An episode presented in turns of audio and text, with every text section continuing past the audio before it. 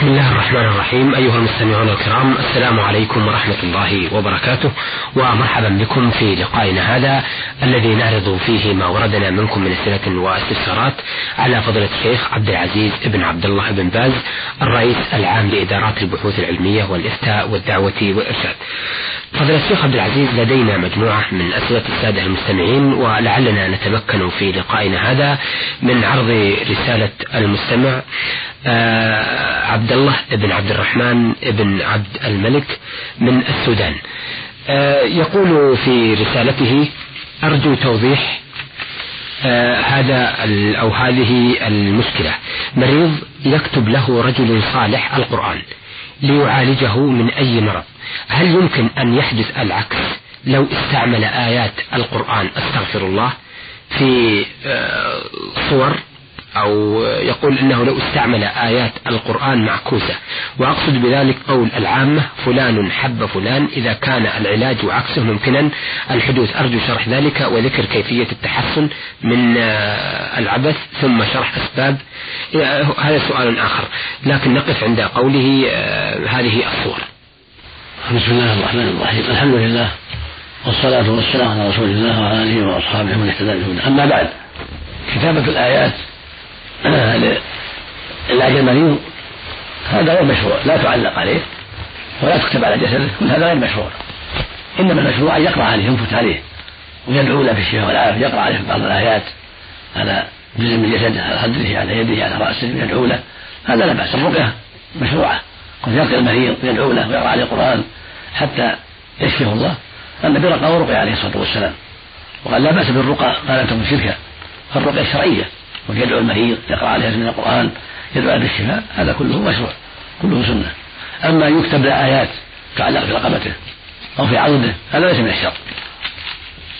أو يكتب له أحاديث أو كلمات أخرى دعوات أو مسامير أو طلاسم حروف مقطعة أو أشبه ذلك كل هذا ما يجوز. حتى القرآن لا يعلق. النبي صلى الله عليه وسلم قال من تعلق أتمه فلا أتم الله له. ومن تعلق على الودع فلا ودع الله له. فالحجب والحروز والجوامع التي يفعلها بعض الناس يعلقونها على المرضى على أعناقهم أو يعلقونها في أعضادهم أو في غير ذلك هذا لا يجوز. ولكن الرقية لا بأس بها. يلقي المريض يدعو له يقرأ عليه آيات هذا طيب هذا يسمى الرقية لا بأس بها. أو يقول يلقى في يلقيه في ماء ويشرب الماء جاء عنها أن بعض هذا أيضا. كما في سنن أبي داود عن النبي صلى الله عليه وسلم أنه قرأ في ماء لثابت بن قيس هذا لا بأس به. وأما التعليق فلا يعلق لا قرآن ولا غير لا يعلق في الرقبة ولا في اليد. كل هذا ليس بعلاج وليس مشروعا بل منيما اللهم المستعان لا حول ولا قوة آه سؤاله الآخر يقول أحيانا يقول العلماء سيحدث كسوف أو خسوف. يوم كذا شهر كذا في المنطقة كذا الساعة كذا ويتحقق ما يقولون. هل هذا من العلم بالغيب أم لا؟ وفقكم الله. ليس التحدث عن وقت الكسوف والكسوف من علم الغيب بل هذا يدرك بالحساب. كثير من أصحاب الفلك يعرفون هذا الشيء بمراقبة سير الشمس والقمر في منازلهما. فإذا صارت الشمس منزلة معينة أو القمر قد عرفوا بالحساب أنها تكسف بإذن الله في ذلك الوقت. هذا يدرك بالحساب وليس من علم الغيب بل هذا حساب دقيق يعرفه أصحاب الفلك والناظرون في سير, الشمس والقمر فيدركون ذلك وقد يغلطون قد يغلطون في بعض الأحيان وقد يصيبون. قال أبو العباس بن تيمية رحمه الله إن أخبارهم من جنس أخبار بني إسرائيل. لا تصدق ولا تكذب. فقد يقول أنه يكسف في كذا أو أو تكسف الشمس في كذا ثم لا يقع. وقد يقع ذلك ويكون قد ضبطوا الحساب فيكون قد وقع ذلك. فالحاصل أن أخبارهم قد يأتيها الخطأ والغلط. فلا يصدقون ولا يكذبون. ولكن ينظر في ما أخبروا عنه فإن وقع الكسوف شرع للناس ذكر الله عند الكسوف واستغفاره والصلاة صلاة الكسوف والصدقة وإعتاق الرقاب وذكر الله وتكبيره سبحانه وتعالى. لأن الرسول صلى الله عليه وسلم أمر بذلك. قال فإذا رأيتم فافزعوا إلى ذكر الله والدعاء واستغفاره. إذا رأيتم فصلوا وادعوا وأمر بالتكبير وأمر بالإعتاق إعتاق الرقاب هذا كله سنة ومشروع وثابت عن النبي عليه الصلاة والسلام. أما أخبار الحسابين فإنها ليس من علم الغيب لكنها تخطئ وتصيب. قد يغلطون وقد يصيبون. نعم. آه يقول أيضا بعض الفقراء آه جمع فقير أو آه يقول رجل صالح حينما آه، تحضر لهم في إحدى المشاكل يقولون لك نستخير لك الله أو نفتح لك الكتاب أو نشوف لك الخيرة ليحدثوك عن المستقبل ويعالجوك عما بك من مصائب. هل هذا صحيح أم لا؟ هذا غلط. فإنه لا يعلم الغيب. إن أرادوا أن يفكروا في الدواء والعلاج لا بأس. أما أن ينظروا في أمر معناه أنهم يعرفون الغيب أو يعلمون الغيب بطرق يقرؤونها أو يكتبونها أو يفكرون في هذا لا لا صحة له أبدا. يقول الله سبحانه قل لا يعلم من في السماوات والأرض الغيب إلا الله. هو سبحانه الذي يعلم الغيب. ويقول النبي صلى الله عليه الصلاة والسلام مفاتح الغيب خمس خمسة لا يعلمهن عند الله. ثم ذكر ثم قرأ قوله تعالى إن الله عنده علم الساعة وينزل الغيب ويعلم ما في الأرحام. وما تدري نفس ما لا تكسب غدا. وما تدري نفس بأي أرض تموت إن الله عليم خبير سبحانه وتعالى. نعم. ويقول الله له قل لا يملك نفعا ولا ضر الا ما شاء الله. ولو كنت أعلم الغيب لاستكثرت من الخير وما مسني السوء. إن أنا إلا نذير وبشير لقوم يؤمنون. هو عليه الصلاة والسلام لا يعلم الغيب. وإنما هو نذير وبشير لعباد الله فالذي يدعي أنه يستخير المريض أو يستفتح المريض أو يفكر المريض حتى يعلم ما وراء. علم علم علم الأسباب بل علم آخر وهو علم الغيب هذا لا لا يجوز وهذا باطل ومن يدعي علم الغيب فهو كافر نعوذ بالله. أما إذا أراد أن يفكر وينظر في الدواء المناسب والعلاج المناسب هذا لا بأس به. الطبيب قد يخفى عليه المرض فيفكر. كذلك يقول أستخير هذا إن كان قصده يستخير الله بالصلاة ركعتين يصلي ركعتين يستخير الله في كيفية علاجه هذا لا بأس. أما أن يستخير معنى ينظر في علم الغيب هذا باطل. نعم, نعم. آه يقول آه صاحب الودع وقارئة الفنجال والرسل وقراءة الكف لنا هل هي حرام أم حرام؟ إيش؟ آه صاحبة الودع وقارئة الفنجال والرسل وقراءة الكف يعني وقراءة الكف لنا. كل هذا بدعة كلها مبدعة لا صحة لها. صاحب الفنجال وقراءة الكف. ورمي الودع وضرب الودع أو بالحصى كله من تعاطي علم الغيب كله باطل كله منكر ولا صحة له. بل هو دجل وكذب وافتراء ويدعون علم الغيب بأشياء أخرى غير هذا كذب. وإنما يعتمدون على ما تقولهم أصحابهم من الجن. فإن بعضهم يستخدم الجن ويقول ما تقولها الجن فيصدقون ويكذبون. يصدقون في بعض الأشياء التي اطلعوا عليها في بعض البلدان أو سرقوها من السمع. ويكذبون في الغالب والأكثر يكذبون ويتحيل على الناس حتى يأخذوا أموالهم بالباطل. وهكذا الإنس الذين يخدمونهم قد يكذبون أيضا ويفترون ويقولون هذا كذا وهذا كذا وهم كذبة. إنما يأكل أموال الناس بالباطل. وعلم الغيب لا يعلمه إلا الله سبحانه وتعالى. أما كلمة الرسل ما يعرف مراد الرسل. نعم. كلمة الرسل هذا كلام مجمل. كان المقصود قراءة القرآن الذي جاء الرسول صلى الله عليه وسلم يقرأه ويتدبر.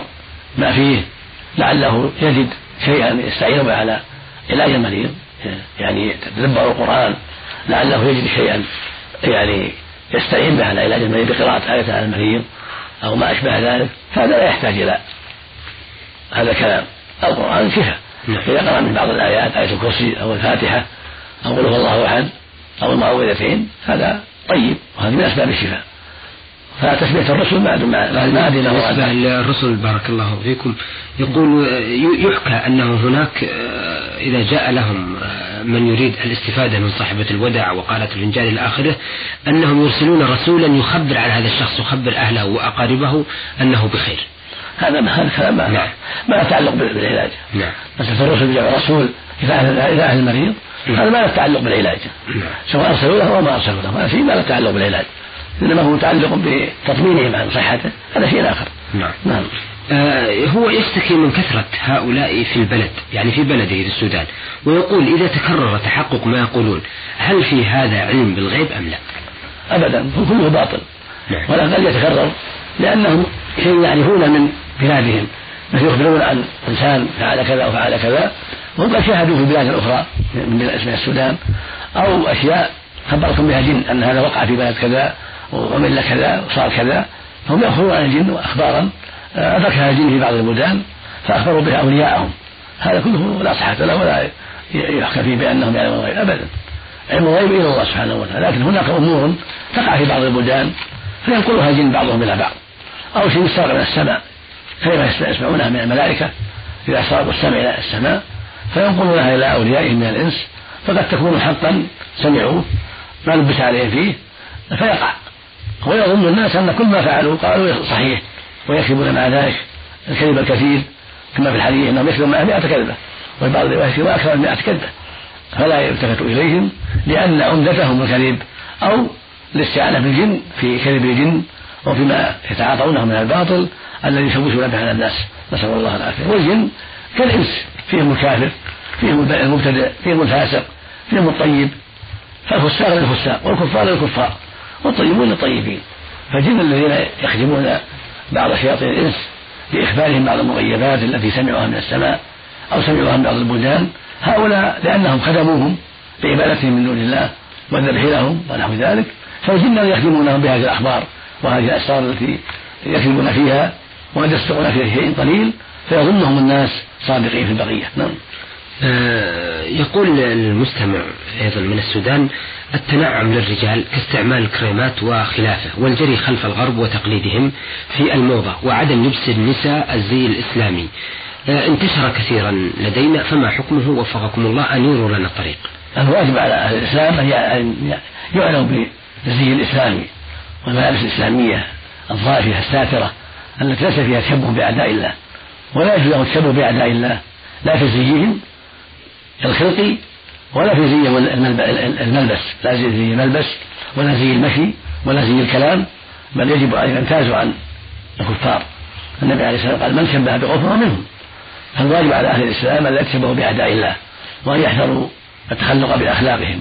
وهكذا النساء. الواجب عليهن الستر والحجاب والبعد عن موضة الكفرة وأخلاق الكفرة وتعريفهم وفتنتهم وتبرجهم هذا هو الواجب على الرجال والنساء من المسلمين.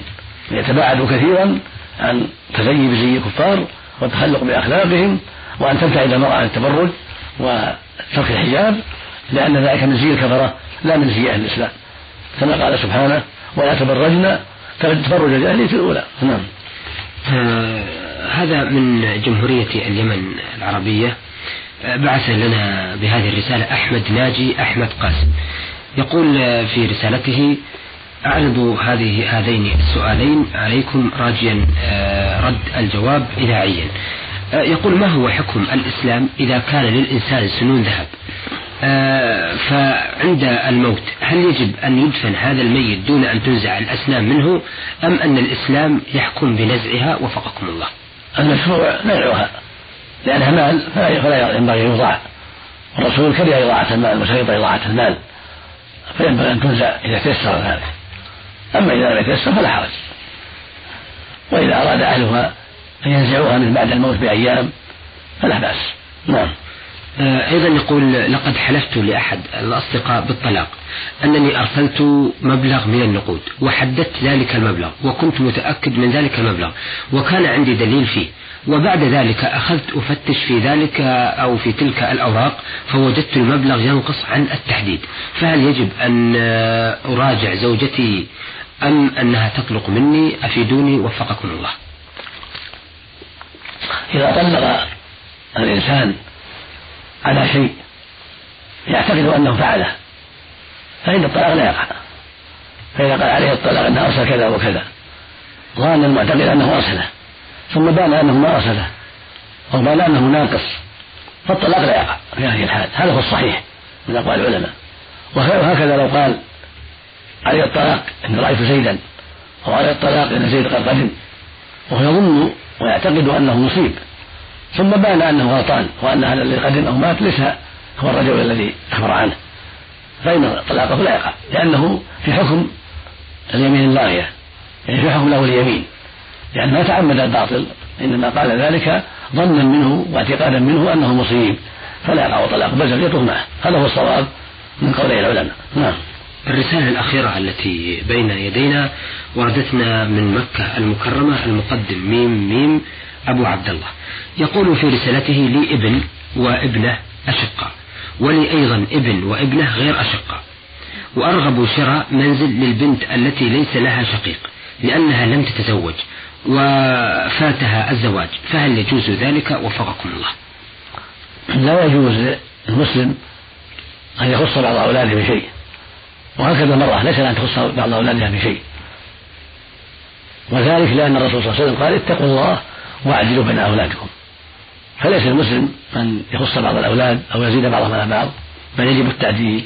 ولو كانت البنت ليس لها شقيق وليهم الله الذي حكم سبحانه وتعالى في المواريث وقسمها هو ولي الجميع.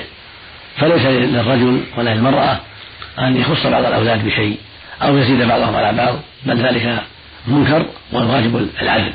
في الجميع للحديث المذكور اتقوا الله وأعدلوا بين أولادكم.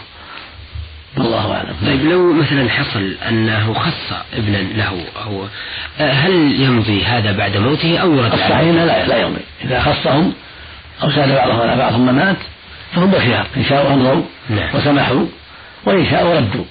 لهم الرد. هذا الصحيح قال بعض إنه يمضي بعد الموت ولا يرد شيء لكن الصحيح أنه لا يمضي. لأن النبي سماه جورا قال إني لا أشهد على جور سمى الزيادة وعدم التعليل جورا. والجور لا يقر فإذا مات بعد هذه المعصية بعد التخصيص أو التفضيل فإن المخصص تنزع منه ينزع منه المال ويوزع بين الورثة وهكذا المفضل تنزع منه الزيادة وتوزع بين الورثة إلا أن يسمحوا عنه وهم مكلفون مرشدون. إذا سمح المرشد عن حقه فلا بأس. شكرا أثابكم الله. أيها السادة المستمعون إلى هنا نأتي إلى نهاية لقائنا هذا الذي عرضنا فيه رسائل السادة عبد الله عبد الرحمن عبد الملك وأحمد ناجي أحمد قاسم من الجمهورية العربية اليمنية. ثم أيضا عرضنا رسالة المستمع ميم ميم أبو عبد الله من مكة المكرمة يسأل عن تخصيص بعض الأولاد بمال دون الآخرين. عرضنا الأسئلة والاستفسارات التي وردت في رسائلهم على فضيلة الشيخ عبد العزيز بن عبد الله بن باز الرئيس العام لإدارات البحوث العلمية والإفتاء والدعوة والإرشاد. شكرا لفضيلة الشيخ عبد العزيز وشكرا لكم أيها السادة وإلى أن نلتقي بحضراتكم. نستودعكم الله والسلام عليكم ورحمة الله وبركاته.